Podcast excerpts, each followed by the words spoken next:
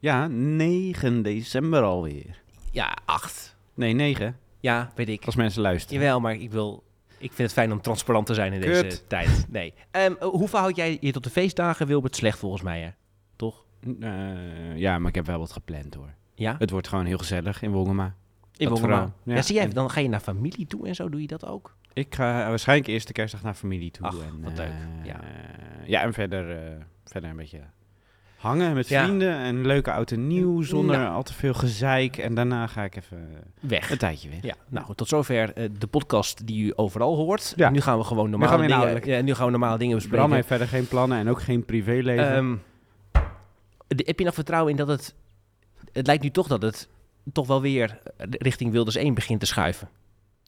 ik heb echt geen idee. Ik heb de Oh. laatste dagen dat niet gelezen. Vertel. Nou, ja, Omzicht heeft dan de deur weer op een kier gezet. Ja, ik Ze heb- hebben constructieve gesprekken gevoerd. De lucht is geklaard. Ja, maar en, en dan, wat mij dan opvalt is dat ze beiden ongeveer dezelfde woorden gebruiken. de lucht is ja. klaar of de lucht is Ge- geklaard. Ja, Ja. maar de- in, een, een van hen zei de lucht, we zijn de lucht aan het klaren en klaren. al geklaard. Ja, Zo stom vind ik dat. ja. En dat gezeik met dat mapje ook. Dat we, Pieter, eh, vorige week eh, waren we wat enthousiaster over je dan deze week, ja de denk Pieter ik. Ometer hebben we eigenlijk. En die is Oh, weer wat God, ge- die is weg- gedaald. die staat echt weer in het rood. Ik wil, ik wil één ding nog even aanhalen. Want eh, Helma Lodders, die kennen wij niet.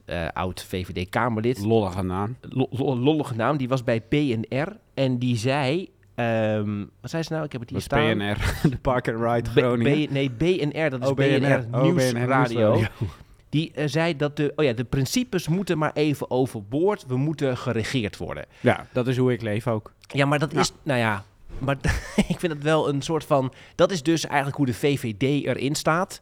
Die grondwet doet er eigenlijk even niet toe. Ja. We moeten geregeerd worden, dan maar even wat minder rechten voor bepaalde groepen mensen. Ja, we Eh, moeten door. We moeten door en ik blijf maar hopen en vertrouwen dat eh ons Pietetje toch, toch Toch niet die, meedoet. die rechtsstaat omarmt zoals die ons beloofd heeft, zowel in persoon als de natie ja. als geheel. ja, en in die adventstijd moeten wij de tijd natuurlijk ook doorbrengen. Dus dan bellen we gewoon wat mensen over hele belangrijke en Nou, het interessante is dingen. crisis na crisis. Ehm, we bellen bijvoorbeeld met Johannes Visser zometeen. Ja. Eh, correspondent onderwijs van De Correspondent. Ja. Over de onderwijscrisis. U heeft ongetwijfeld gelezen dat er eh, de leesvaardigheid onder 15-jarigen in Nederland eh, ernstig is afgenomen, gedaald. Hoe is je niet. Slechter geworden. Ja.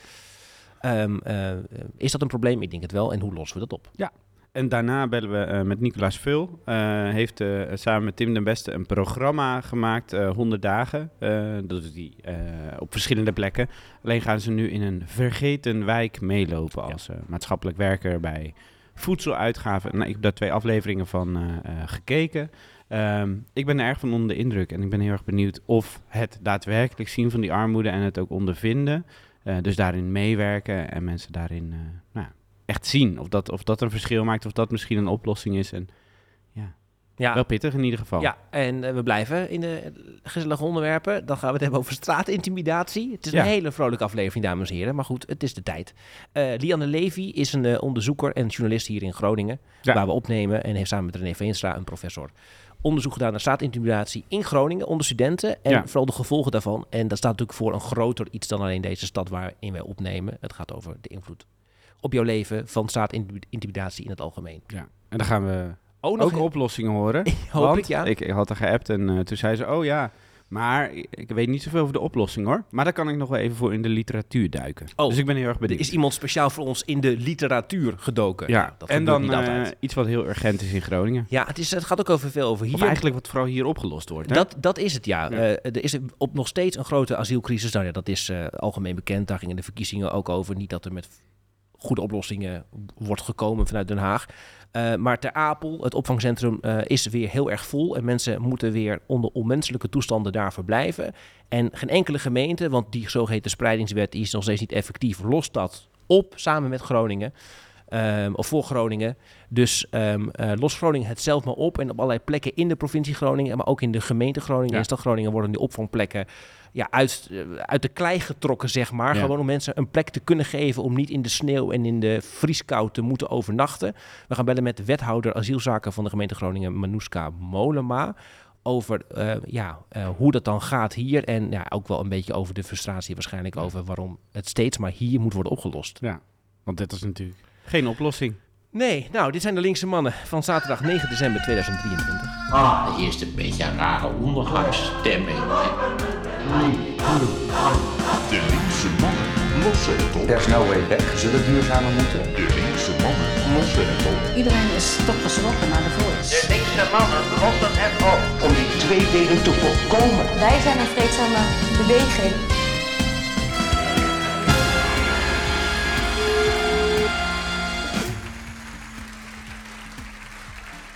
Hey, Dag Johannes, dit is Bram van de linkse mannen. En Wilbert, hallo. hallo. Hey. Ehm, goed dat we je mogen spreken. Eh, om meteen maar eh, met de deur in huis te vallen.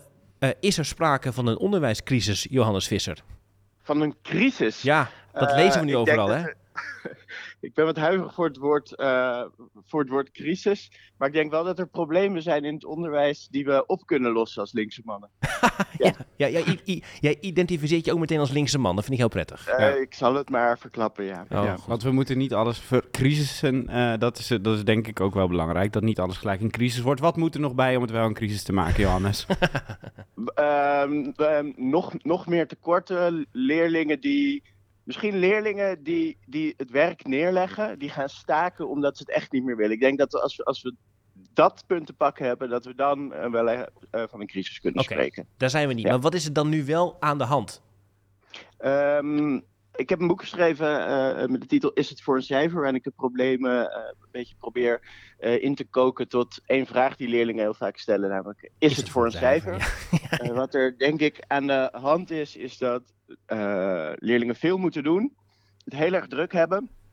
Veel moeten doen omdat het moet, omdat het voor een cijfer is. Zonder dat ze eigenlijk zelf het gevoel hebben dat wat ze doen leuk is of waardevol is, belangrijk is of nuttig is. Eh, en ik heb voor dat boek laten berekenen hoeveel cijfers leerlingen dan per jaar krijgen. En dat Ja. zijn er 102 per jaar. Ja.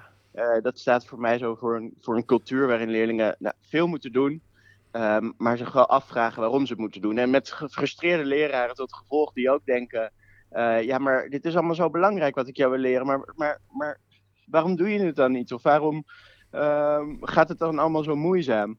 Ehm, dus eh, dat probeer ik in mijn boek tot die vraag: is het voor een cijfer? eh, Ja, te en dat leidt ook, we hebben hier een tijd geleden gesproken over meten, dat constant dingen worden gemeten en beoordeeld. Ja. Dat lijkt dus eigenlijk het belangrijkste te zijn. Dus niet zozeer je persoonlijke ontwikkeling als, eh, als leerling bijvoorbeeld, of jouw interessegebied, maar vooral scoor jij goed op wat jij zou moeten weten. Ja, dat valt me toch altijd op. Ik, ik ben eh, journalist bij de correspondent. Ik schrijf over onderwijs. Als je leerlingen hoort praten over school, hoe, ze, hoe, hoe vaak ze het hebben over. Ja, maar ik moet voor die toets nog dat. En ik moet Mhm. nog eh, dat cijfer ophalen voor dat. En hoe weinig het eigenlijk gaat over eh, de inhoud van wat ze moeten leren. Of een leraar die, die tw- tweette, of x'te moet je zeggen volgens mij van Ik de week dat hij aan zijn klas had gevraagd.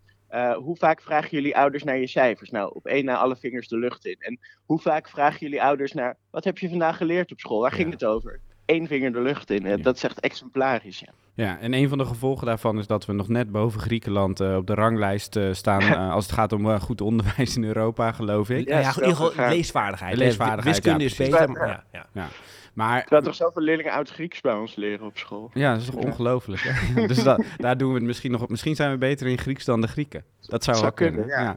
Maar Maar leerlingen op het gymnasium krijgen meer uren Grieks eh, volgens mij dan eh, Nederlands. Dus zou nog zo gek niet zijn. Oh, ja. Nee, nee, want daarmee hint je denk ik op, op eh, ja, wat ook wel echt het probleem is. Dat we, dat we hier nog in een soort van vrij ouderwets systeem of een systeem dat niet past eh, bij de manier van leren zoals, zoals leerlingen op dit moment misschien zouden moeten. Ehm, is, is het zo dat, dat, je, dat er in landen om ons heen bijvoorbeeld al andere systemen zijn waarin, eh, waarin leerlingen eh, ja, de dingen die ze in het leven nodig hebben leren? Eh, ik, ik denk dat alle onderwijssystemen eh, op de wereld uitgaan eh, van. we hebben kennis, dat leggen we vast in een curriculum. En dat vinden we allemaal belangrijk als oudere generatie. En dat gaan we overbrengen op leerlingen. Dus ik denk dat, dat daar niet zo heel veel in verschilt, eh, eh, wereldwijd eerlijk gezegd. Nee. Wat we zouden moeten doen is meer denken vanuit die leerling. En hoe kunnen we die leerling zo motiveren dat wat hij doet, dat wij dat niet alleen heel belangrijk vinden dat die leerling dat leert. En dat we vervolgens bestraffend zeggen, oh maar je kan het nog niet, dus je moet het beter doen. Maar Mhm. dat wij eh, ervoor zorgen dat die leerling zelf ook eh, iets doet dat hij belangrijk vindt of leuk vindt of nuttig vindt. Dus eh, meer dat intrinsieke van die leerling proberen aan te Ja, spreken. En niet maar voor lief aannemen dat alles wat ze moeten leren eh, belangrijk is omdat wij dat vinden. Ja, want als we even die leesvaardigheid eruit halen, hè, dat, was natuurlijk, dat is natuurlijk al meteen groot nieuws en iedereen Ja. schiet in de kramp. Er moeten meer docenten Nederlands komen, meer onderwijs in het Nederlands. Ehm, eh, we moeten 's ochtends beginnen met het voorlezen van een boek aan onze kinderen. Dat helpt. Mhm. Ehm, maar dat lijkt een beetje labmiddelen, want Wilbert vraagt eigenlijk ook al naar, moet inderdaad eh, niet vanuit het systeem gewoon anders worden georganiseerd? Eh, en lukt dat ons dan wel überhaupt? Wat ik bij die leesvaardigheid wel eh, interessant vind, eh dit is zo'n driejarig onderzoek van PISA. Dat komt eens in de drie jaar uit. En daar blijkt inderdaad dat de leesvaardigheid van Nederlandse leerlingen afgelopen twintig jaar, geloof ik al zo, aan het dalen is. Ehm, maar zo'n, dat rapport geeft geen eh, eh, oorzaken. Dus iedereen kan nu zeggen: het ligt daaraan, het ligt Ja. daaraan, het ligt daaraan. En wat ik er wel belangrijk aan vind, er zijn twee dingen. Eén, dat het eigenlijk dat we hier niet te maken hebben met een leesprobleem. eh, maar met een taalprobleem. Kijk, die, die, die, die, die toets, die PISA-toets, die meet lezen. Ja, Ehm, en meet geen schrijfvaardigheid mondelinge vaardigheid. Maar je kunt ervan uitgaan dat leerlingen die niet goed lezen, dat die ook niet zo goed zullen schrijven. Dat die gewoon niet zo talig zijn. Dus Ja. we hebben een taalprobleem. Ander eh, belangrijk iets vind ik dat het eigenlijk geen onderwijsprobleem is, maar een maatschappelijk probleem. Dus we kunnen zeggen, het onderwijs leert kinderen niet goed lezen. Maar leerlingen, eh, kinderen leren natuurlijk ook lezen buiten dat onderwijs. Die leren in, in de maatschappij van hun ouders lezen. Die hebben, het, gaat om een, het gaat om een context waarin tekst en waarin lezen en schrijven eh, belangrijk is. En dat kunnen we niet alleen op het onderwijs eh En, en, maar, en. Johannes, nou dan even toch, we, we gaan ook, dat is al de- eindvraag. Ik weet niet of we daar nu al zijn in dit gesprek, maar wat, wat kunnen we dan daaraan doen? Hè? Hoe zorgen we er nou voor dat dan eh, taal ehm, eh, een, een wat fijner en groter onderdeel gaan worden van het leven van, nou ja, kinderen tussen de 12 en 15. In ieder geval als het zo belangrijk is om die leeftijdsgroep met taal te, te laten kennismaken en te laten Dan laat ik dan toch terug naar die, die vraag: is het voor een cijfer? Ja. Ehm, als je leerlingen laat lezen omdat ze een toetsleesvaardigheid krijgen, of ze moeten een boek lezen omdat ze daar later een toets voor een cijfer over krijgen, dan gaan ze op een heel specifieke manier lezen. Ze gaan lezen op, op feitjes, op informatie, en die gaan ze er proberen uit te destilleren, omdat ze denken: misschien komt daar een vraag over. Waar ze eigenlijk niet mee bezig zijn, is gewoon rustig lezen, te denken: wat betekent deze tekst eigenlijk voor mij? eh, te reflecteren op die tekst, daar iets persoonlijks uit te halen. De ene tekst kan een ene leerling iets heel anders uithalen dan een andere leerling. Dus omdat het zo erg gericht is, ook het lezen op eh, uiteindelijk meetbare resultaten, eh, gaan die, die leerlingen die tekst eigenlijk als een instrument zien om, Mhm. om een toets te halen, om een Ja. cijfer te halen. Terwijl het belang van lezen is dat je dat in ontspanning kan doen, daar zelf iets uit kan halen. En dat het eigenlijk een heel persoonlijke ervaring is, die heel moeilijk meetbaar is. Ja, en dan denk ik, daarbij denk ik voor een deel een beetje aan mijn Nederlands mondeling, want daar heb je dan een lijst voor. Een deel van die Ja. boeken had ik met veel plezier gelezen, andere had ik op eh, de, de volgens mij misschien niet meer, of wel nog bestaande website scholieren.com een uittreksel van gedownload. staat nog zeker, ja. Bestaat nog, ja, precies. Ehm, eh, en, en, en daar kan ik me een beetje die, ja, die vibe, om het dan maar zo te zeggen, eh, in herinneren. Dat je, dat je met elkaar praat over wat je interesseert, ja, wat je geraakt heeft. Maar ja, de- als, je, als je alle vakken op die manier wil doen en eigenlijk alle overhoringen op die manier zou willen doen, dan, dan lijkt me dat je superveel docenten bijvoorbeeld nodig hebt. Of überhaupt veel, heel veel menskracht om dat voor elkaar te krijgen. Hoe, hoe, Of- hoe, hoe past dat bij elkaar? Ja, of je, of je zou dus wat minder moeten doen. Dus je zou ook kunnen zeggen, wij, of wat ik eigenlijk in het boek ook eh, voorstel, is we gaan wat minder doen, maar dat wat we doen, dat gaan we wel eh, goed doen. Dus inderdaad, dat lezen, je hoeft niet eh, heel veel te lezen voor een cijfer, maar het gaat erom dat je, als je een boek leest, dat je er ook wat aan hebt. Dus dat Ja. je daar wel dat gesprek over hebt en dat je daar eh, en, en, en dat moeten we faciliteren. Dus minder doen, maar dat wat we doen wel heel goed doen, zodat het betekenis krijgt voor leerlingen. Ja, En dat mondeling is daar inderdaad een, een heel mooi voorbeeld van. Ja. En, en Wilbert vraagt ook, want we lezen natuurlijk ook meteen dat er te weinig leraren zijn om dit probleem te kunnen oplossen. Eh, jij schrijft Ja. ook, hè, spoiler alert in het boek. Ja, dat valt eigenlijk wel mee. Ook een stuk op de correspondent schreef erover. Hmm. Eh, eh, er zijn meer dan genoeg leraren, maar je moet het anders organiseren. ja, kijk, in het basisonderwijs hebben we dus wel echt een ander probleem. Ja. Daar, daar zijn echt groot probleem. In het, in het voortgezet onderwijs heb je tekortvakken. Dus je hebt eh, genoeg leraren geschiedenis en maatschappijleer. Dat is nog verrassend moeilijk om aan een baan te komen. Ja. Maar je hebt eh, eh, te weinig leraren Duits Ja. en Frans, klassieke talen, wiskunde. Maar je zou het ook kunnen zien niet als een, als een lerarentekort, maar als een leerlingenoverschot. Eh, we hadden het net over hoeveel leerlingen eigenlijk moeten doen. Ja, als alle leerlingen in het tweede jaar en het derde jaar Duits krijgen, ja, dan heb je dus heel veel leraren Duits nodig. Mhm. En dan hebben al die leerlingen ook nog eens elf andere vakken, waardoor ze een heel klein beetje Duits leren. Daar eigenlijk nooit echt eh, eh, goed in worden of dat per se leuk gaan vinden door die lessen. Maar je hebt wel heel veel leraren nodig daarvoor. Ja. En zo denk ik dat we voor, voor veel vakken wel kunnen kijken naar, nou, misschien hebben we daar geen leraren tekort, maar een, een leerlingenoverschot. Want heel veel leerlingen moeten heel veel verschillende vakken Ja. eh, volgen bij Ja, ons. ja, eh, maar goed, dat betekent, hè, dat zou je dus kunnen voorstellen dat je in een, in een eerste jaar of zo, dat je misschien wel eh, van, een, van, die, van je middelbare school wel kennis maakt met allerlei vakken, maar dat je eigenlijk dus veel sneller misschien dan een keuze zou moeten maken? Want dan wordt Ja, ook weer dat- gezegd ja. dat dat eigenlijk een slechte kant op is. Hè? Dat je mensen, dat je niet, dat je niet scholieren zo snel een keuze moet laten eh, maken over de richting die ze op willen.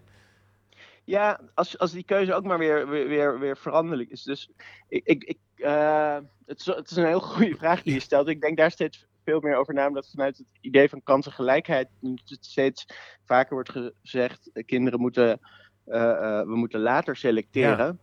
Ehm, maar je zou best kunnen zeggen: nou, kinderen zouden wel wat eerder kunnen kiezen voor waar ze goed in zijn en wat ze leuk vinden. Ik Ja. neem een leerling in een tweede klas, die heeft al eh, Duits gehad, econo- of, eh, die heeft al Duits gehad, die heeft al scheikunde gehad. Die Ja. weet echt al een beetje in welke Ja, richting Zeker. die eh, iets gaat doen. En ook wat hij echt absoluut niet wil gaan Mhm. doen. En ik denk dat je er wel iets, dat, we, dat, dat we daar wel iets in zouden kunnen veranderen. En dat je dat ook wel weer zou moeten kunnen terugdraaien op het moment dat je een jaar later Ja, misschien... Juist, ja. en dat is Flexibel, dus belangrijk. ja, dus ja. als iemand dan denkt, ik wil toch wel dit doen. Ja, oké, dan, dan moet je eventjes bijspijkeren. Eh, maar dan ben je op dat moment wel gemotiveerd om dat wel te doen. In plaats van dat je altijd ja, het maar doet omdat het moet. Goed, eh, dit is de oplossing. Dan de laatste treffende vraag in deze podcast, denk ik, de komende tijd is... gaat dat nieuwe, eh, toch extreemrechtse kabinet wat er wellicht gaat komen... dit probleem oplossen, Johannes? Nee. Goed zo. Ehm, hoopvol einde, Johannes. Dank je wel voor je tijd. En ja, mocht u het boek Is het voor een cijfer willen lezen... zeer is aan te koop. raden. Het is te koop en te Leg het bestellen onder de kerstboom. via de correspondent ongetwijfeld. Johannes, dank je wel. Yes, dankjewel. Hoi. Doei. Ja, is dat niet waarom eh, Mark Rutte eh, nu NAVO-baas wil worden? Omdat het eindelijk heel moeilijk is om leraar maatschappijleer te worden. Dat is een overschot. Zo, ja. Dat is wat ik mee heb genomen uit dit gesprek. Wauw. Jij denkt snel, eh, Wilbert van den Kamp. Eh, jij wilde graag bellen met Nicolaas Veul. Zeker. En waarom? Nou, zoals jij eh, eh, mij wel eens een, eh, een, een levend kunstwerk of een levend experiment noemt, Ja. zo kan je Nicolaas Veel denk ik ook wel typeren. Ehm, ja, Nicolaas die maakt een, een programma, eh 100 dagen, waarbij hij zich samen met Tim den Beste ehm, eh, onderdompelt in allerlei werelden. En Mhm. ik, ik kijk dat programma altijd graag, omdat ik het, denk ik, als, om, om het heel hoog over te, eh, te, te, ze- te, te zeggen. Ik, denk ik denk dat uiteindelijk je verdiepen in andere eh, eh, groepen in de samenleving dan waar je zelf onderdeel van uitmaakt, dat dat, dat heel erg veel dingen zou Ja, oplossen. en, en wat ze goed doen volgens mij is ook dat ze zo... Ze zijn heel onbevangen en soms ook wat ongeïnformeerd. Ja, en, dat, en dat maakt het dan dat je je goed kan identificeren met hoe zij dat maken. En nu zijn ze dus in een vergeten wijk gaan kijken. Op ja, 100 dagen. ja, en daar speelt armoede natuurlijk gewoon een hele grote rol. En eh, ja, de- ik ben heel erg benieuwd hoe dat voor hen is, hoe, wat de reacties nu zijn en ook eh, ja, wat, wat de oplossing eventueel zijn. Ja, dat is eh, het concept van dit hele idee Ja. van de linkse mannen natuurlijk. Hi, ik ben Nicolaas. Hoi met eh, Wilbert en eh, Bram zit hier tegenover me. Goedemorgen. Hoi. Hoi, Wilbert en Bram. Hallo. Goedemorgen. Hoi. Eh, leuk dat we even met je kunnen bellen over eh 100 dagen eh, in een vergeten wijk. Ehm, Ja. De eerste twee afleveringen staan online, tenminste voor de mensen die eh, geen NPO Plus abonnement hebben. Die kunnen alles gelijk kijken natuurlijk. oh, hè. wauw, ja. Want, eh, Ja. want wat zijn de reacties, eh Nicolaas, op, eh, op het programma wat jullie gemaakt hebben? Eh, ja, eigenlijk ontzettend positief. In de zin van dat het, eh, mensen het een mooi programma vinden. En dat, eh, nou, positief in de zin van dat, dat mensen eh, heel veel dingen zien die ze nog nooit echt hadden gezien of nu in een context zien dat ze zich nooit echt compleet had gerealiseerd hoe het aan ja, om, hoe het is om te leven in een wijk die vergeten is, hoe het is om te leven in armoede uh, en hoe je daar dan al dan niet uitkomt, mede dankzij de hulp van maatschappelijk werk. En vergeten wijk, Nicolaas, dan moet je toch even toelichten. Wa waarom, is het, waarom hebben we het over een vergeten wijk? Nou, een, een, de wijk als Laak, of het Laakkwartier moet ik eigenlijk zeggen. Uh, dat is een wijk waarvan de burgers zelf hebben gezegd in een brandbrief naar de gemeente: uh, van uh, jullie vergeten ons. Mm -hmm. Er is enorm veel armoede, er is veel criminaliteit. het gaat heel erg slecht met de wijk. er is te weinig zorg, ouderen zijn alleen, noem maar op. Um, en de, de, de, inwoners van Laak, of het Laakkwartier, die hadden in een brief geschreven van ja, we zijn vergeten door jullie. Niemand kijkt naar ons om. En dat was eigenlijk een beetje wel het gevoel dat wij ook kregen toen wij in die wijk waren. Maar het gaat natuurlijk ook over uh, de wijk zoals uh, wij, wij, laten zien. Dat zijn, er zijn er vele meer van in ja. Nederland. Het gaat ook over de mensen die wij vergeten. Mm -hmm. uh, en natuurlijk die de politiek vergeet. Ja. En die uh, liberaal of neoliberaal beleid, ja, wat daar de consequenties van zijn en welke mensen die vergeet. Ja, en ik denk dat dat voor heel veel mensen zou dat, denk bijna ook schokkend zijn om, om dat honderd dagen mee te maken. Hoe dat is om in zo'n wijk dan rond te lopen en te leven. Uh, kan ja. je een voorbeeld geven van, van iets wat je, waarvan je echt geen idee had dat je het tegen zou komen, maar wat je wel, wat je wel tegenkwam, die honderd uh, dagen? Uh, geen idee van, dat is moeilijk, want je, kijk, je, je leest er natuurlijk wel veel over. Dus ja. dit zijn niet thema's die heel onbekend zijn. Nee. Uh, van uh, eenzame ouderen, de, de armoedeval, de schuldsanering.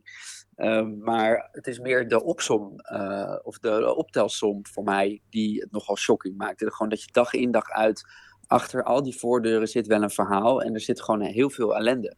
Ja. En um, weet je wel, van, van, een, van verschrikkelijke kleine huisjes die wel voor 900 euro worden verhuurd. Ja. Aan uh, werksters van het Hilton tot uh, uh, mensen die op straat te komen te staan. Wat, wat, je echt, wat ik echt wel heel shocking vond, is we hebben natuurlijk geen bejaardentehuizen meer, omdat we hebben gezegd als land, nou we, we gaan meer voor elkaar zorgen. Um, Nobel streven. Ja. No, ja, leuk streven, maar dan zie je in de realiteit dat iedereen is gewoon best wel druk om zijn eigen broek omhoog te houden. En dat die, ja, die ouderen, die, die bejaarden, die, die, ja, die zitten eigenlijk maar in de wachtstand totdat ze geholpen gaan worden. En je wordt in Nederland pas geholpen als het echt heel slecht met je gaat. Dus ik heb bijvoorbeeld een vrouw gesproken uh, uh, in de belcirkel. Dat is een uh, vrijwilligers bellen dan elke dag even met de bejaarden hoe het met ze gaat. Mhm. Ook om even te checken van, ja, ook leef je nog, weet je wel? Of heb je, heb je nog iets nodig van ons? Of ben je gevallen? Of moeten we iets voor je doen? Gewoon een soort, uh, ja, een, een, een, ja, een vangnet eigenlijk. Ja. Ja. En daar sprak ik een vrouw tot drie keer toe. En die was steeds gevallen. Die was dik in de negentig. En die belde ik weer. En dan was ze weer gevallen. Had ze bloed aan haar hoofd. Uh, moest de ambulance weer komen. Dus, en die vrouw bleef maar vallen. Maar er was nog geen plek in het verzorgingstehuis. Want dat gaat pas werken als het echt heel erg slecht met je gaat. Ja. En dat is wel heel heftig, dat eigenlijk uh, van veel van die oudere mensen die, uh, die het niet meer alleen redden en waarvan de omgeving het eigenlijk ook niet meer redt, dat die pas, ja, dat die echt vier keer moeten vallen voordat er gezegd wordt, uh, ja, nu, nu, nu mag u eh, naar het verzorgingshuis. Het systeem gaat eigenlijk pas te laat werken. Ja, ja en, en, en de aflevering die dan eergisteren, want het is zaterdag als mensen dit luisteren, uh, online kwam of uh, op tv te zien was.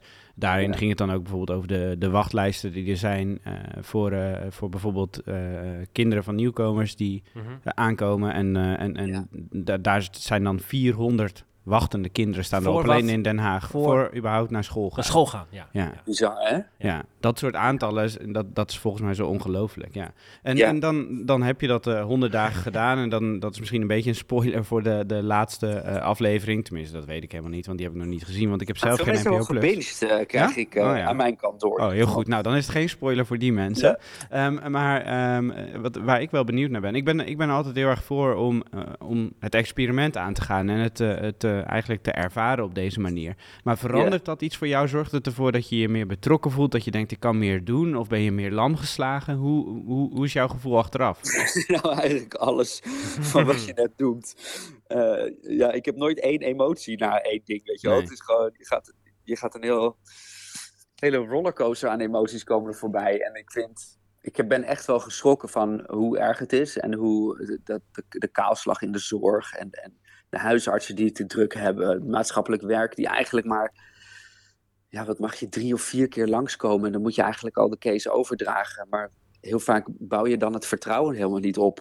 Weet je wel, voordat mensen opengaan en zeggen met welke problemen ze hebben, dan moet je En vertrouwensband de hebben. case overdragen, want jij bent, je, je, je als maatschappelijke werker, maatschappelijk werker heb jij gewerkt in die wijk en zo. En de case overdragen, waarom moet je dan de case overdragen en aan wie Ja, eigenlijk? bijvoorbeeld een maatschappelijk werker is een beetje de sociale EHBO. Ja. Dus die eh, is voor de eerste problemen. Mhm. eh, weet je wel, en, en hulp. eh, Je kan even op de rit zetten als, eh, als je rekening niet hebt betaald. Of je moet naar de dokter. Of, maar als het erger is, dan word je eigenlijk dieper het zorgsysteem ingeduwd. Of dan moet je naar de gemeente. Of naar de schuldsanering. Of noem maar op. Dus eigenlijk ben je eigenlijk een soort beginpionnetje in, het, he- in een heel sociaal vangnet. Ja. Als maatschappelijk werker. En dan verlies je het contact eigenlijk weer met degene met wie je net contact hebt opgebouwd. Want Ja, verdwijnt dan eigenlijk weer in het zorgstelsel. Maar voordat je, zeg maar, want je komt bij mensen thuis en voordat mensen gaan zeggen: Ik heb een probleem, Ja, ehm, dat, kan, dat kan zomaar vier sessies duren. Ja, en Soms jij kan het dan al wel gezien hebben, maar dat, dat zien en dat noemen, dat is misschien, dat werkt ook Dat averechts, lijkt me. Ja, want, ja, want je kan niet zeg maar eh, alle post meenemen en het gaan regelen. Weet je, wel. je moet dat samen doen. Ja. Ehm, dus, ehm, nou ja, ik, ben, ik heb dus heel veel gezien en ik vind wel, je, je, ik, ik, je snapt gewoon wel dat deze, eh, nou ja, om het maar even de vergeten wijk te noemen en de vergeten mensen die daar wonen, dat, dat, daar dat daar een enorme onvrede en boosheid Mhm. leeft over hoe de zaken geregeld zijn. ja. En als dan, Dus en- daar- ja, en als dan Wilders zegt, eh, we brengen de bejaardenhuizen weer terug en eh, eh, de, de zorg wordt, wordt, de marktwerking wordt uit de zorg gehaald. Even los van het feit of het financieel Ja. allemaal mogelijk is. Als mensen, Ja. ja, mensen die willen dat en die, die willen daar graag in geloven. Dus stemmen ze op de partij die dat ons belooft. Ja, Omdat er geen... Dat- nou, ja, slechts ja, ja. Maar dan is dat, Dus kijk, het is ook, eh, ja, dat is, het maakt me dus in die zin. ehm, ja, ik ben een, eh, ook een eh, linkse, linkse jongen uit Ja. Amsterdam. Dus mijn eerste zorg is de klimaatverandering. ja, ja, Klimaatcrisis, ja, dat is, vind ik het allerergst. Maar dat is ook zo'n geprivilegeerde positie. juist. Ehm, en ik voelde ook wel gewoon heel erg dat ik met mijn linkse, uit mijn linkse bubbel, dat dat, dat helemaal niet aanslaat daar. Dus Nee. de problemen van links, ja, die, die ehm, of de problemen waar links tegen strijdt of voorstrijdt, die, ja, die landen daar helemaal niet. En dat, dat snap je ook gewoon heel goed als je er langs, eh, lang rondloopt. Nee, dat is ook iets wat we ook vorige week volgens mij veel besproken. eh, dat, eh, dat inderdaad de thema's van links nu, hè, als het nou klimaat of over identiteit gaat, Ja. hoe belangrijk die ook zijn. ehm, voor heel veel mensen zijn dat inderdaad hele. Dat zijn gewoon niet de problemen waar ze elke dag mee bezig kunnen zijn. Die luxe hebben ze eigenlijk helemaal niet. Nee, het zijn echt vrij. Ja, het is toch. In ieder geval in zo'n wijk zijn het geprivilegeerde eh, probleem, eh, problemen die we hebben ergens. Ehm, Ja, en, want, want ja, armoede is gewoon zo eh, allesomvattend. en, zo, en zo veelomvattend ook aanwezig in Nederland eigenlijk. Want dit is natuurlijk een exemplarische wijk, denk ik, voor heel veel wijken. enorm gro- groeiend. Ja, Dus, dus ehm, ja, ik denk dat links daar niet zo'n goed antwoord op heeft. nou dan Nicolaas. maar wat natuurlijk flauw is, is dat links de schuld overal van krijgt. Terwijl Juist. we hebben amper meegeregeerd afgelopen ja, tijd. het is toch echt de Dus VVD geweest, dames en heren. De VVD. Ja.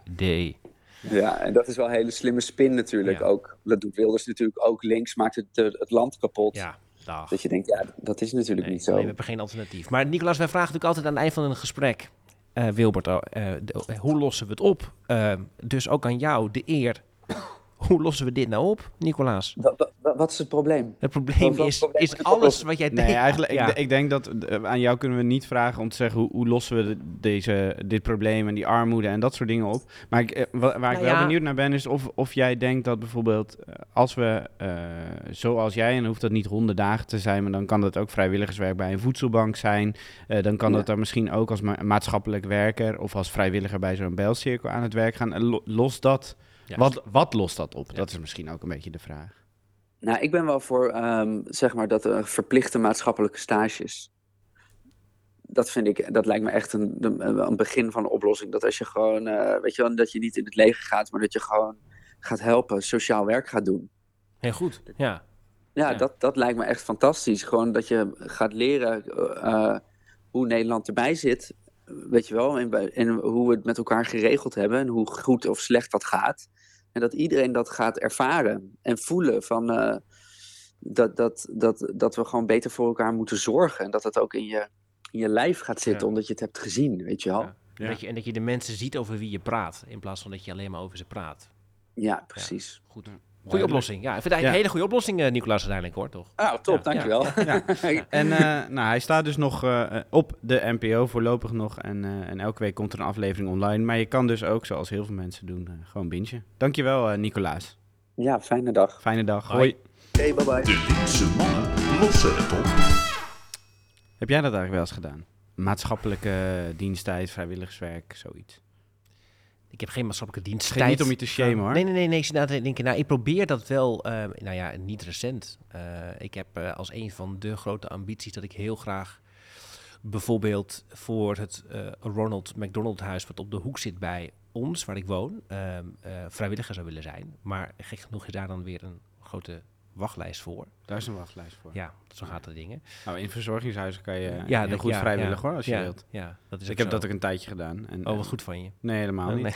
Nee, maar, maar, maar ik snap wel dat, dat dat is natuurlijk ook wel wat, misschien wat minder leuk dan op andere plekken Nou, vrijwilligerswerk doen. Maar Nou, nee, ja, dat, dat is het volgens mij helemaal niet. Maar ik, denk, ik ondersteun eigenlijk wel zeer dit idee.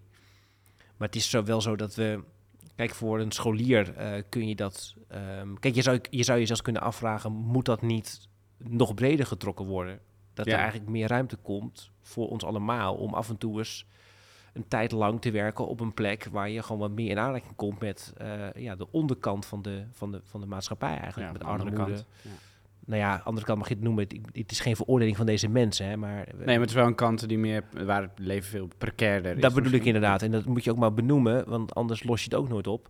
Maar die ruimte, zeg maar, in, in, in de levens die wij leven, ook omdat middenklasse onder druk komt te staan en dergelijke. Dus ook zelfs die klasse mensen, dus eh, als dat eigenlijk, je hebt wel een, gewoon een salaris en je, je hebt misschien wel gewoon een huis, dan, ook, dan moet je nu soms wel vechten. Of ik niet trouwens, hè, niet, dat geldt niet voor mij persoonlijk, maar dan moet je soms ook wel vechten voor je bestaan.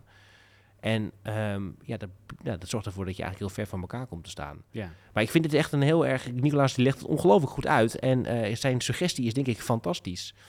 Ehm, Dus Geert Wilders, voer dat in. ja, want Geert luistert natuurlijk. Ik, ben trouwens Geert, ik had dus één over, over onze grote vriend Geert gesproken. Ik had eh, vorige week, denk ik, of deze week, had ik één kritische tweet over Wilders geplaatst. Ik weet niet En toen ben je geblokt. Meteen geblokkeerd. Nou ja, ik ben nog niet geblokt volgens mij. Eh, Maar ik ben ook eh, natuurlijk gematigd positief. Gematigd, ja. Nee, maar het is, ook dat is een heel ander... Daar gaan we waarschijnlijk volgende week over praten, over het gevaar daarvan. Want dat lost ook helemaal niks op, want... ehm, eh, het is natuurlijk, hij, als iemand zeg maar zwart-wit nadenkt en rechts- rechts-links nadenkt, is hij het wel. Terwijl, nou ja, Niklas vertelt volgens mij heel goed hoe dit een alles overstijgend probleem is. Ja. En dat het En dat je het helemaal niet oplost met en dat je rechts en links. Nee, en rechts en links is dan een heel gek, hè? Want ik denk in Wilders zijn hoofd zou dan de ouderen een verzorgingshuis mogen hebben, maar het, het kind, de kindmigrant mag niet naar school, want die mag geen voorrang. Terwijl het ook allemaal één groot probleem is. Goed, Ja. Gelukkig, hebben we Marjolein erover. want die lost ook problemen op. Van luisteraars. En eh, ja, er heeft weer een luisteraar een, een pregnant probleem bij Marjolein ingesproken.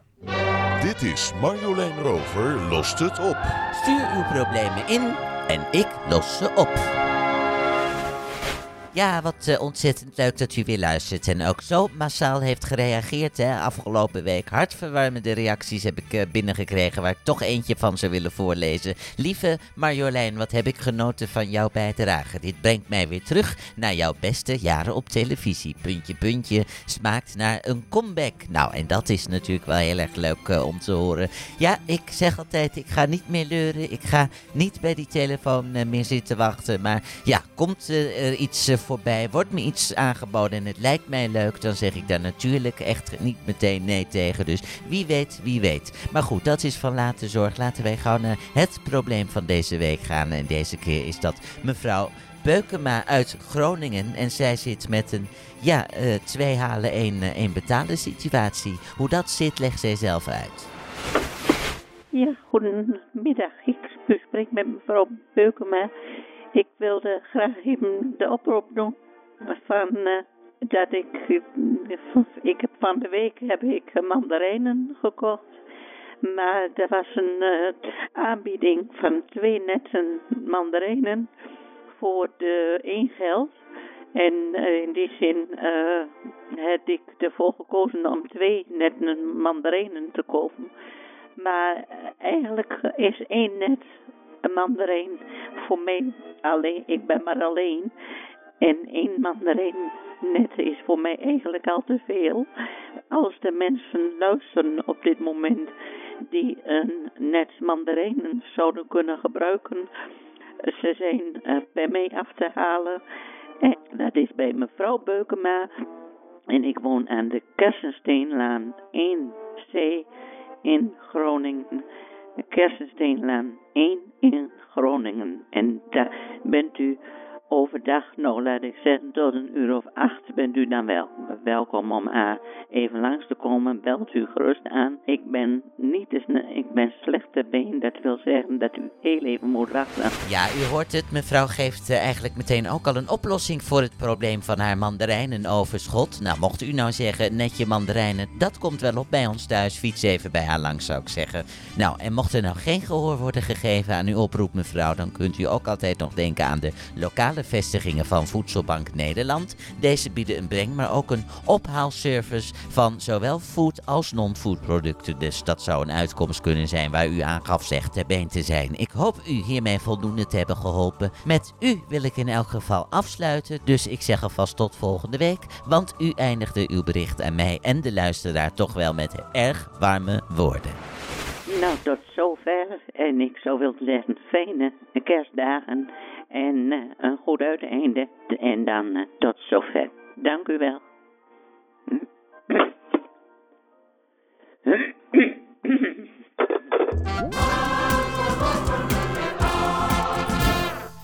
Fijn dat het probleem weer opgelost is, Marjolein. Dank je wel. Als we haar niet hadden. Als we haar toch niet hadden in deze uh, verwarrende tijden. Maar ook warme tijden, want de feestdagen komen er wel aan. En de kachel staat aan. En de kachel staat aan. En het sneeuwt aanhoudend buiten. Het is alleen maar donker. Lianne Levy gaan we bellen.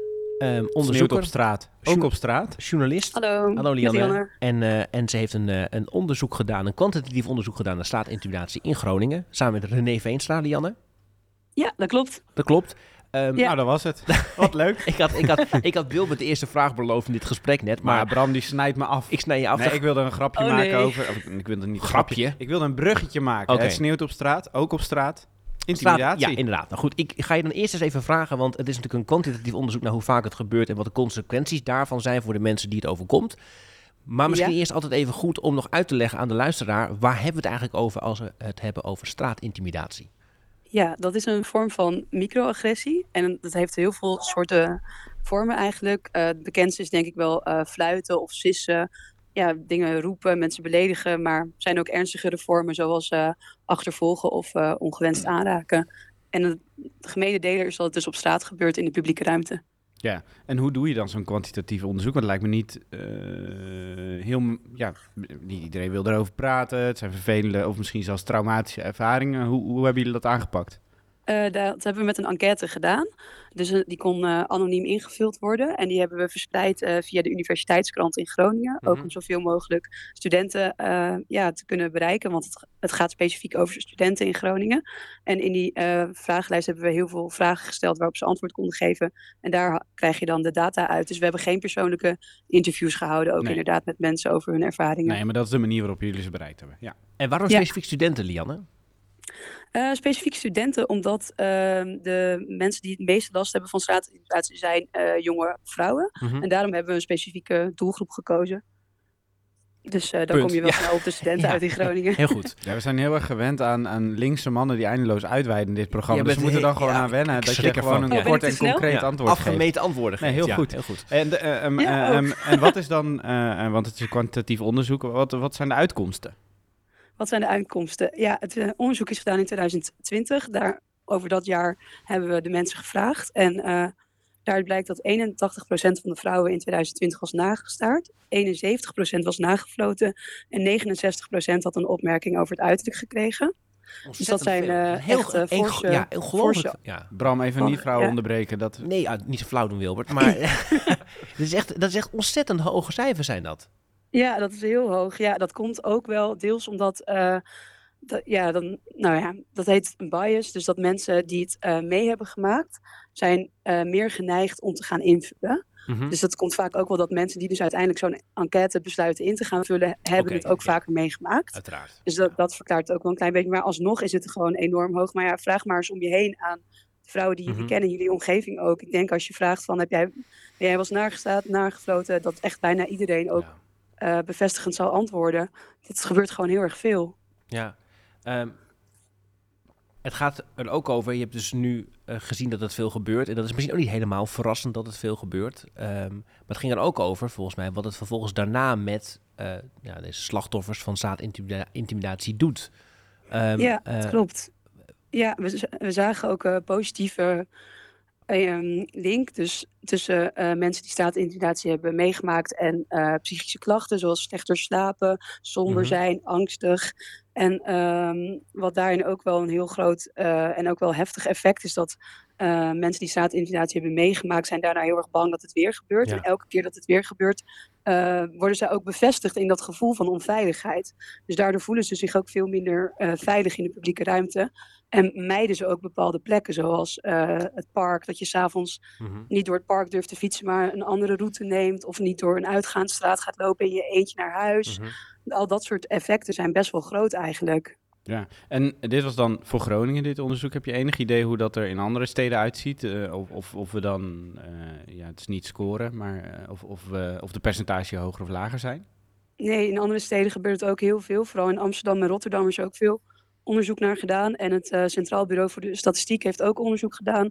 En daaruit bleek zelfs dat eh, twee op de drie vrouwen tussen de 12 jaar, dus dat begint echt al super jong, en 25 jaar eh, in 2020 zijn lastiggevallen op straat.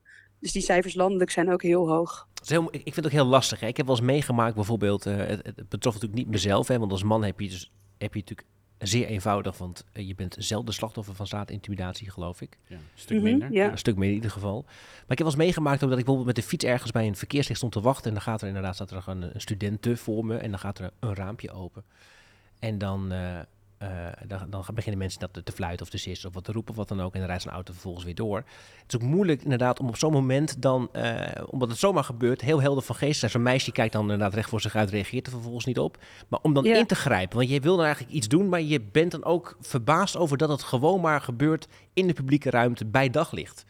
Ja, dat Eh, klopt. En het gaat heel snel altijd. Ja. En ik tenminste zelf, als je het meemaakt, ik heb het zelf ook vaak meegemaakt, maar ik weet het ook wel van vriendinnen, dat het gaat heel snel en voor je het door hebt, is diegene alweer weg. Ja, En kan je niks doen en zit je ermee. En het is ook inderdaad wat je zegt, het is ook best wel lastig om, om in te grijpen als je het ziet gebeuren, wat eigenlijk wel veel meer zou Ja, dat is moeten ja. gedaan worden. Ja, maar dat is niet makkelijk. Nee. Het gaat heel snel. En, ja. eh, Mag ik het even persoonlijk maken dan, Lianne? Ehm, ja, dat mag wel. eh, wa- wat gebeurt er? Want ja, het is wel gewoon waar dat als man je weinig ervaringen hiermee hebt. Eh, als we dan kijken naar wat jou dan overkomt, waar hebben we het dan eigenlijk over? Waar, wat, wat ondervind je dan? Ehm, nou, eigenlijk de aanleiding van waarom ik ook bedacht van ik wil hier verder induiken en dat ik er uiteindelijk een hele scriptie over heb geschreven, is dat ik zelf een keer ben lastiggevallen op het Poelenplein in de zomer. Mhm. En toen, ehm, nou ja, was het warm en ik had een jurkje aan en ik liep eh, naar het terras, want daar had ik afgesproken met vrienden. Kwam man roepen, iets met we gaan die mooie benen naartoe of zo, zoiets Mhm. vluggigs. En nou ja, dat was al irritant, maar toen eh, kwam die terug. En dat was eng, want dan wordt het echt bedreigend. En toen riep hij nog iets en nou ja, heel naar. En eh, wat ik toen heel vervelend ook vond, was niet alleen dat, maar ook dat heel veel mensen het gehoord hadden. Want ik zag mensen echt omkijken, zo van, weet je, wat gebeurt daar? En niemand zei wat en niemand dat- greep ja. in. En dat vond ik wel heel erg. Dat weet ik echt nog heel goed, terwijl het al wel een paar jaar geleden is. Ik had het toen wel fijn gevonden als iemand tegen die man had gezegd, vooral toen hij dus weer terug kwam fietsen, om nogal tegen hem te zeggen van, joh, doe normaal, of laat haar met rust, of dat iemand even wat had gedaan. Pleur op, ja. Maar dat is Ja. interessant wat je zegt, want zou dat dan, zeg maar, want we willen ook altijd een, een oplossing doen natuurlijk en zo. En dat is natuurlijk wel een vrij complex maatschappelijk probleem waar we hier tegenaan lopen. Maar zou dat helpen als zoiets gebeurt dat dan medestanders, eh, voorbijgangers gewoon er iets van zeggen? Ja, dat zou enorm helpen. Alleen al voor degene die het overkomt, maar ook dat degene die het doet, dus gewoon wel van anderen ook te horen krijgt van het is niet normaal wat Mhm. je doet en hou ermee op.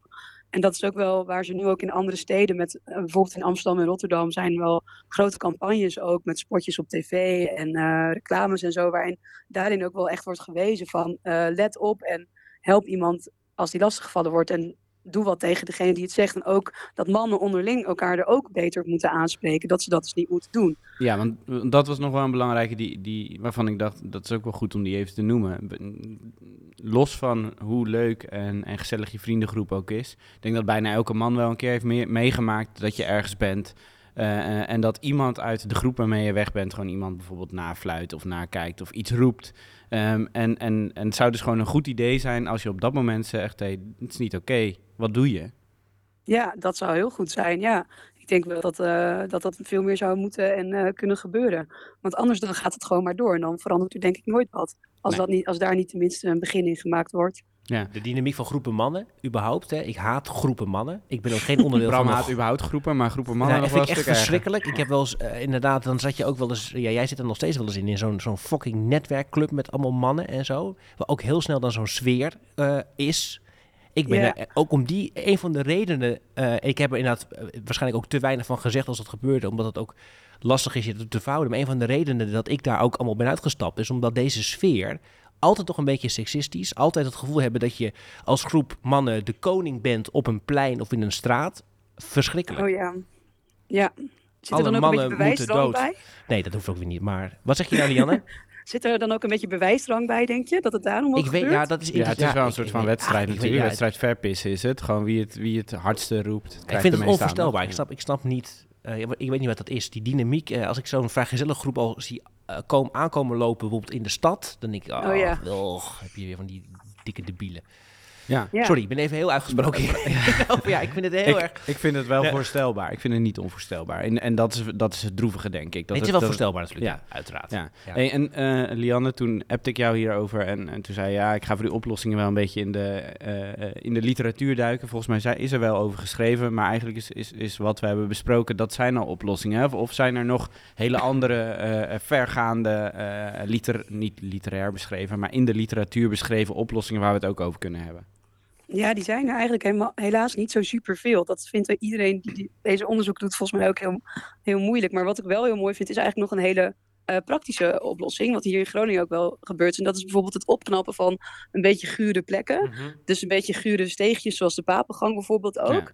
En dat wordt nu heel erg opgeknapt en, en beter verlicht. En dat zijn ook kleine dingen die wel helpen. De publieke ruimte kan ook best wel anders ingericht worden om plekken wel ook veiliger te maken. Ja. Dus dat is eigenlijk nog wel een hele mooie eh, praktische oplossing. Ja, duidelijk. En volgens mij inderdaad zo'n plek zoals de Papengang, daar is ook veel aan gebruikt, hè? of aan gedaan. Ja, klopt. Ja. Ja, met die lampen daar nu en die gebruikt. muurschilderingen. En ik zie daar nu trouwens ook veel vaker mensen doorheen lopen dan voorheen. Dus dat maakt het natuurlijk meteen al een minder eh, onveilige plek als er gewoon je daar niet helemaal in je eentje doorheen hoeft te lopen s'nachts. Ja. Dat zou ik sowieso niet doen trouwens, maar goed. Nee. nou, dat aan de, de, de architecten en eh, ontwerpers aan de stad. Maar heel praktisch kunnen eh, zeker alle mannen dus eh, eh, binnen hun, eh, binnen hun eh, vriendengroepen of kennissengroepen of sportteams of weet ik veel, eh, zich uitspreken hierover. ben je- en op straat als je je het ziet man en gebeuren. luister je naar dit programma, hou gewoon je bek, zou ik zeggen. Nee, niet, ja, en hou je dat bek. En als, als iemand anders... zijn, ja. En behalve als iemand anders iets doet. Dan als iemand anders ja, niet- ja, dan niet. Niet Nee. zijn bek houdt, dan zeg je daar iets Ja, van. juist, ja. Dan Laten we dat afspreken. zeggen. Ja, Ja, dankjewel eh, Lianne. En eh, eh, als mensen hier meer over willen lezen, op jouw eh, LinkedIn staat volgens mij een eh, eh, linkje naar, eh, naar nee, dit artikel ook, wat eh, in een... eh, Mensen in- in volgens Mensen en mij, Maatschappij, tij- eh. tijdschrift staat, ja. ja dat klopt. Ja. Ja. Goed, dankjewel Lianne. Hey, dankjewel. Hoi. Doei. Wat een goede oplossingen.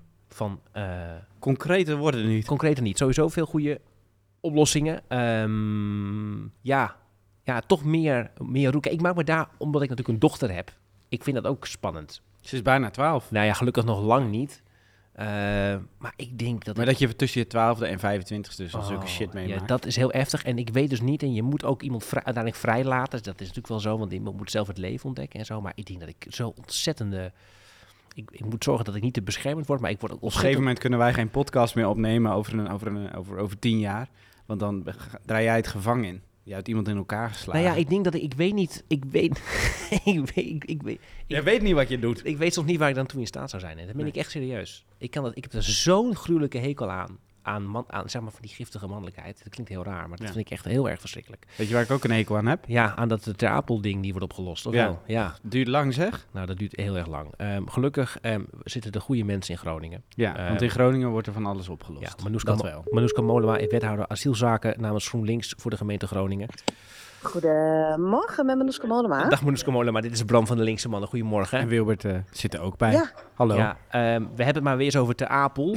Eh, Het dat- houdt niet op, Het houdt niet niet, vanzelf. op. Niet vanzelf. Nee, dat gaat steeds in golven. Maar we komen nu toch wel weer op een heel... eh, of we zijn eigenlijk weer op een heel dieptepunt Onverkwikkelijk moment. Ja. terechtgekomen. Inspectie Justitie en Veiligheid heeft de situatie zelfs onmenselijk inmiddels genoemd daar. Het wordt maar niet opgelost, Manouska. En dus ehm, dacht jij, dan moeten wij als de gemeente Groningen zijnde maar weer iets doen. Dat klopt. Ja. Ja. Wat hebben jullie gedaan? Ehm, wij hebben nu eh, eh, 80 tot 100 extra plekken beschikbaar gesteld. Ja. Ehm, en eh, dit is niet de keuze die de gemeente Groningen alleen maakt. We hebben als regio samen eh, hebben wij een akkoord met het Rijk dat wij ongeveer 10.000 plekken leveren. Nou, wij deden al iets extra's de afgelopen tijd. En wij hebben gezegd, bovenop die overeenkomst gaan we vanuit onze regio eh, ehm, wat extra's doen in het Stadskanaal met 200 plekken eh, aan de tenten. Of de tent. En wij doen dat eh, ehm, aan de Pijzenweg met eh, 80 tot 100 extra plekken. Ja, en die afspraak die er dus is tussen, eh, ja, tussen deze regio en het Rijk van, van 10.000 plekken, heeft, heeft het Rijk eigenlijk met meerdere plekken in Nederland zo'n soort afspraak? Of, eh, of is dat misschien juist het probleem? Ehm, eh, nou, ik weet dat ze, eh, volgens mij hebben ze wel met meerdere regio's eh, afspraken gemaakt. En wij waren de eerste die die afspraak heeft gemaakt. Dus bij ons is het voor 2023 en 2024 afgesproken. Dat wij eh, ongeveer 10.000 plekken leveren. En dat leveren wij ook eh, ehm, als regio. Ja, en hoe komt het? eh, wij zijn natuurlijk Groningers, dus wij zijn sowieso fan van deze eh, provincie, van deze regio. Ehm, Ja. Maar hoe komt het dat, dat Groningen dan als eerste zo'n deal maakt? Heeft dat ermee te maken dat wij Ter Apel hier letterlijk in onze achtertuin hebben en, en dus denken, wij zien wat het probleem is, dus willen we dat oplossen? Of ligt het ergens anders aan? Nee, het heeft ermee te maken dat wij eh, ehm, in de periode dat wij deze afspraken gemaakt hebben, dat was ook dat in de zomermaanden eh, mensen buiten lagen. En dat voor ons de urgentie eh, gewoon heel erg hoog was, vooruitlopend op de spreidingswet, om al een afspraak te maken over het aantal plekken dat wij eh, leveren. Ehm, en dat komt omdat bij ons het ook gewoon veel meer gevoeld wordt. Eh, eh, wij zijn ook solidair met eh, de gemeente Westerwolde. Eh, en wij staan hier met elkaar ook voor humane opvang en nemen onze, on- onze verantwoordelijkheid daarin. Nou, en je ziet ook op alle plaatjes, ik weet dat RTL 4 heeft zo'n heel mooi plaatje. Daar zie je dat eigenlijk eh, de noordelijke provincies eh, eh, al echt hele lange tijd gewoon bovengemiddeld een bijdrage leveren aan de opvang van asielzoekers. Want het is even nog even, ik heb, ik heb net in de introductie al gezegd, hè, want de situatie is in Ter Apel nu echt heel erg beroerd, toch Manouska? Ja, dat klopt. Wat, eh, wat er feitelijk aan de hand is, vorig jaar sliepen de mensen buiten, maar omdat het nu winter is, slapen ze in wachtruimtes, in recreatieruimtes, eh, onder TL-balken op de vloer. Eh, ehm, er is zowel vanuit JNV een inspectie geweest als vanuit de GGD. En die zeggen allebei, dit, dit kan niet, dit zakt echt door alle normen heen. Mhm. Het is gewoon niet veilig. Het is ook niet gezond voor mensen om op die manier te overnachten. En dat is al wekenlang aan de gang. En eig- eigenlijk is het zo dat eh, ehm, eh, alles is overvol. Eh, er, zitten, er zouden normaal 2000 mensen in Ter Apel kunnen zitten. En eigenlijk zie je dat er echt al, al wekenlang eh eh 23 tot 2500 mensen in Ter Apel verblijven. Ja, en de oplossing zou kunnen zijn die spreidingswet, maar ja, die is er niet. Ehm, Nee. En, eh, en ja, 21 heeft volgens mij weer gezegd dat hij weer opnieuw besproken Ja, maar moet dat- gaan worden. ja, maar maar- niet, ja, daar hebben een aantal andere, of nou, eigenlijk vrijwel geen partijen tegen gezegd. Dat vinden we ook. Dus dat is in ieder geval goed nieuws. Dus misschien Ja. dat dat uiteindelijk een beetje gaat helpen. Maar wat Ja. jij zegt hè, over waarom je dit soort dingen doet, dat klinkt voor mij allemaal logisch en niet meer, niet meer als menselijk om, om dit soort stappen te nemen. Eh, waarom zijn er Ja. niet meer regio's in Nederland die gewoon zeggen, weet je wat, wij, wij plussen ook de opvang die wij normaal gesproken al wel of niet, want eh, ook die regio's heb je, eh, hebben, die, die, die plussen we een beetje op. Waarom gebeurt dat niet? Nou, ik, ik kan natuurlijk niet kijken wat, wat er in regio's aan de hand is. Het is natuurlijk niet zo dat wij als enige wat doen. Eh, je- ziet dat er eh, ehm, eh, vaak, en het COA die belt volgens mij ook iedere keer hetzelfde rondje voor extra plekken.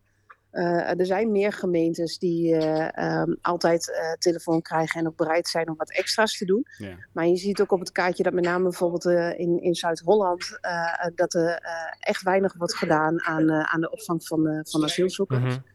ja, en, en of dat is omdat ze niet willen of niet kunnen. Ehm, Nou ja. ik, ik weet dat wij zijn een studentenstad. Wij, wij doen ook veel aan maatschappelijke opvang, als spoedzoekers. En ook bij ons lukt het, eh, ondanks dat er woningnood is en ondanks eh, ehm, eh, dat, dat, dat we voor heel veel mensen een dak boven hun hoofd moeten regelen, lukt het ons, dat geldt ook voor onze omliggende gemeenten, ehm, eh, die lukt het ook altijd om een steentje bij te dragen en opvang te regelen. En eh, ehm, ja, dan, dan, dan is het aan andere regio's eh, de vraag van wil je niet of kun je het echt Nou ja, niet. het is toch wel, het is toch, ehm, eh, je zegt dat het vrij mild en ik, ik wil niet nu een de Calimero kaart hier spelen, maar ik vind het wel, het is gewoon schokkend als je dat kaartje inderdaad bekijkt. Dat, Ja. dat eigenlijk ehm, eh, de, de provincies, in dit specifieke geval Groningen, Ja. het oplost en de Randstad eigenlijk dan, zeker Zuid-Holland, gewoon niet thuis geeft. Ja. Ehm, eh, ik, ja, ik, ik vind het echt onbestaanbaar. Ehm, eh, ik weet dat René Paas zat, eh, was veel in het nieuws, de commissaris van de Koning hier in Groningen. En die sprak dat ook eigenlijk uit. Heeft dat nou nog Ja. effect, Manouska? Weet je dat? Nou, ik weet, want ik, eh, ehm, ik begrijp dat er nu vanuit meerdere gemeenten ook een aanbod wordt gedaan. Eh, ik weet dat vanuit het ministerie, maar ook onze staatssecretaris eh, ehm, eh, en het COA, die bellen zich suf op dit moment in heel Nederland. En ehm, eh, ik hoor wel terug dat, dat er meerdere gemeenten zijn die 100 plekken op dit moment aanbieden. Eh, eh, dus er ontstaat nu wel in het land beweging. Uh, en of het echt daadwerkelijk voldoende is om te zorgen dat, onze asielzo of dat asielzoekers in Te Apel gewoon rustig de feestdagen in de winter doorkomen, dat weten we nog niet. Uh, maar het heeft wel effect. En wat je, wat je natuurlijk ziet, um, is bij ons in de provincie wordt het gewoon enorm gevoeld. En lijkt het wel alsof je permanent in een crisisstand Ja, zit. zeker. Uh, terwijl je een landelijk opvangprobleem aan het oplossen bent. Uh, want er wordt heel vaak geroepen dat het een asielprobleem is. Terwijl de instroom van asielzoekers is echt niet hoger dan anders. Nee. Het is met name gewoon dat er een tekort is aan plekken, omdat een aantal regio's, een aantal gemeenten gewoon niet, niet leveren. En de druk gewoon met name in de noordelijke provincies zit. Ja. En in een aantal, uh, uh, trouwens, een aantal gemeenten er ook omheen. Hè. Um, en ik, ik, zeg ook continu, ik wil anderen ook de maat daar niet in nemen. Ik, ik kan ook niet kijken in de, in, in de keuken van andere gemeenten. Uh, um, het enige wat je gewoon ziet is dat een aantal gemeenten op dit moment uh, niet of nauwelijks wat doen. Nee. terwijl de urgentie giga hoog is. Um, en dat we op dit moment gewoon mensen niet, niet op een fatsoenlijke manier aan het opvangen zijn met elkaar. Wat zou er moeten, ja, je weet wat er moet gebeuren. Wat, is het, is het zo simpel dat je als gemeente eigenlijk gewoon de telefoon moet opnemen en dat je dan uh, gewoon moet zoeken naar dat je in ieder geval, per gemeente zei je geloof ik, iets van 100 opvangplekken uh, uh, kan genereren en dan kun je in ieder geval ervoor zorgen dat je een groot deel van dit probleem oplost. Is, ja. het, zo, is het zo simpel eigenlijk? Voor ja. nu dan? Oké. Okay. Ja, voor nu is het dat gemeenten die een telefoontje krijgen, dat ze gewoon hun uiterste best gaan doen om plekken ja. te bieden. Of in een hotel, of in een leegstaand pand. Of dat ze de bestaande opvang beter benutten. Uh, er zijn ook gewoon plekken wel beschikbaar in, in bepaalde opvanglocaties, dat die gewoon goed benut worden. En, um, en of dat gemeenten zelf gewoon bellen met het COA om een aanbod te doen, dat, dat zou ook mooi zijn. Ja. En het vervelende is, en dat, dat, is natuurlijk al jarenlang zo, dat het op dit moment vrijwillig is of je ja. uh, asielzoekers ja, opvangt. De spreidingswet gaat uit van verplichting. Mm -hmm. um, en uh, dat, dat is wel echt nodig. En de spreidingswet zelf is niet ideaal, dus daar is echt wel inhoudelijk ook wel op af te dingen.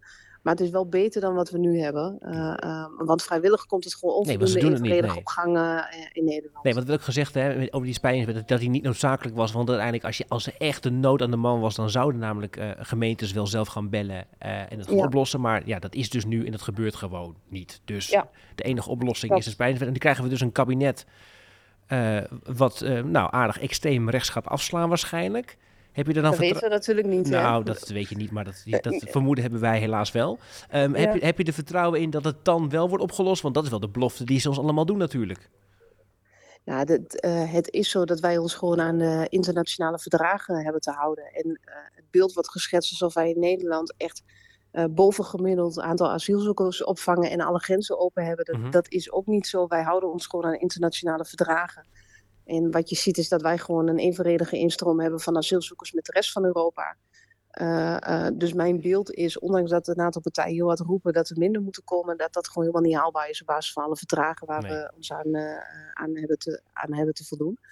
Um, um, en, en, ik ben zelf heel erg benieuwd of het überhaupt wel ooit een rechtskabinet gaat komen. Of, dat, dat, mag je ook nog wel afvragen of Goed. ze er überhaupt wel uit gaan komen met elkaar. Nou, dat is een andere, ander onderwerp. Manuska, ja. dankjewel, sterkte en succes. Ja, dankjewel. Hoi. Fijne dag nog. Dag. De linkse mannen lossen het op. Ja, ik vind dit dus echt woestmakend. Ik ook. En ik vind wel, ik vind het heel lief dat Manouska en aardig en, en invoelend dat Manouska zegt, ik neem die, die andere eh, regio's niet te de maat. Maar laten wij dat vooral wel doen. zeker. En, eh, en voor mensen die geen idee hebben in welke regio's, dus kijk vooral even naar die kaartjes. En, en mocht het zo zijn dat in jouw gemeente daar helemaal niks aan gebeurt, eh, misschien gewoon even een wethouder niet lastigvallen, niet op straat intimideren. Mailen, mailen. Maar wel even mailen, even van je laten horen. Want dit is natuurlijk, het is echt ongelooflijk dat een probleem eh, eh, wat gecreëerd is door actief VVD-beleid. Mhm. Gewoon af willen schrikken eh, door zoveel mogelijk opvangplekken en doorstroomplekken weg te halen. Wat natuurlijk gewoon intens ziek is. Dat dat op zo'n manier dan nu weer op ons bord hier in Groningen terechtkomt, vind ik. En ik vind ons helemaal niet zo heel zielig. Dus, want volgens mij zijn we best wel goed in staat om een stapje bij te zetten zoals nu. Eh, maar het zou gewoon, gewoon getuigen van een beetje normaal gedrag om dat in andere regio's ook Ja. te doen. Ja, en ik vind het ook goed dat ze aan het eind zegt, hè, dat weten we natuurlijk wel, dat het aan, de, de, de instroom is heel gemiddeld eh, van eh, vluchtelingen en asielzoekers in Nederland op dit moment. De wetgeving, de Europese verdragen zullen ervoor gaan zorgen dat dit ook gewoon wel op dit niveau zou moeten gaan blijven. Eh, dat betekent dat we kunnen gaan roepen dat er minder migranten komen. Nee, moeten komen naar Nederland, maar dat zal niet omlaag gaan, want dit is gewoon heel normaal hoe het nu gaat. En kijk Ja. naar de situatie in de wereld. Dus we worden gewoon, eh, ja, er worden allerlei valse beloftes gemaakt. Ook door Pieter Omzicht. Kom even, dus ook alweer, maken we even weer Er zakt weer een puntje in de Pieter Zakt weer een puntje in de peiling. Dus ja, en eh, ik, ik zou eens beginnen met, kijk, dat is misschien inderdaad oplossing nummer twee, dat je daarover nadenkt hoe je ervoor kan zorgen dat er minder mensen gaan vluchten in de wereld. Ehm, maar ja, oplossing één is dat je toch in ieder geval eh, vrouwen, kinderen, mannen onderdak geeft in december als het buiten sneeuwt. Maar ja, eh, niet alleen in december. Gewoon altijd. Altijd. Maar voor nu is het december. Ja, buiten sneeuwt het. om te laten zien hoe eindeloos meer genuanceerd dan eh, Geert Wilders wij als linkse mannen zijn, zeg ik niet alleen maar minder, minder, minder. Maar is zijn, of zijn de woorden van de dag, de samenvatting is minder en meer. Ah, dus. Beautif- ehm, beautiful. Heel erg genuanceerd. Eh, want wat Johannes Visser zei, in, in het onderwijs moeten we eh, vooral minder cijfers eh, per jaar van al, die, al die arme kinderen in het onderwijs vragen. Maar meer inhoudelijke gesprekken en meer interesse. En dat kan bijvoorbeeld door meer met hen te praten eh, eh, over wat ze lezen. En dan misschien maar één boekje minder te lezen. Eh, wat Nicolaas zei is dat het goed is om meer maatschappelijke stage te gaan doen. En uiteindelijk minder in je eigen bubbel te leven. Volgens mij is dat een heel duidelijke wens van hem en ook van ons. En laten we hopen van iedereen. Lianne Levy over eh, eh, straatintimidatie. Eh, uiteindelijk moeten alle mannen gewoon minder intimideren op straat. En mocht er iemand in je buurt zijn die toch wel intimideert, spreken ze daar dan meer op aan. En als het gaat om Ter Apel, om vluchtelingen, laten we toch vooral ervoor zorgen dat er minder mensen wereldwijd vluchten. En ook dat we er uiteindelijk niet minder opvangen hier in Groningen, maar dat het wel wat minder kan. Als er meer kan in andere gemeentes. Toch een beetje de Nico Dijkshoorn word je van de linkse man op deze manier. eh. Ik heb het even samen omgevat. Dit waren de linkse mannen die het oplossen. Vergeet je niet te abonneren op deze podcast of eh, sterretjes te geven. Want dan, eh, ja, dan scoren we hoger. En dan horen meer mensen deze belangrijke content. Dan minder zou jammer zijn. Minder zou jammer zijn. In onze website kunt u ook bezoeken op de linksemannen.nl met veel oplossingen voor veel meer problemen. Tot volgende week, moedig voorwaarts.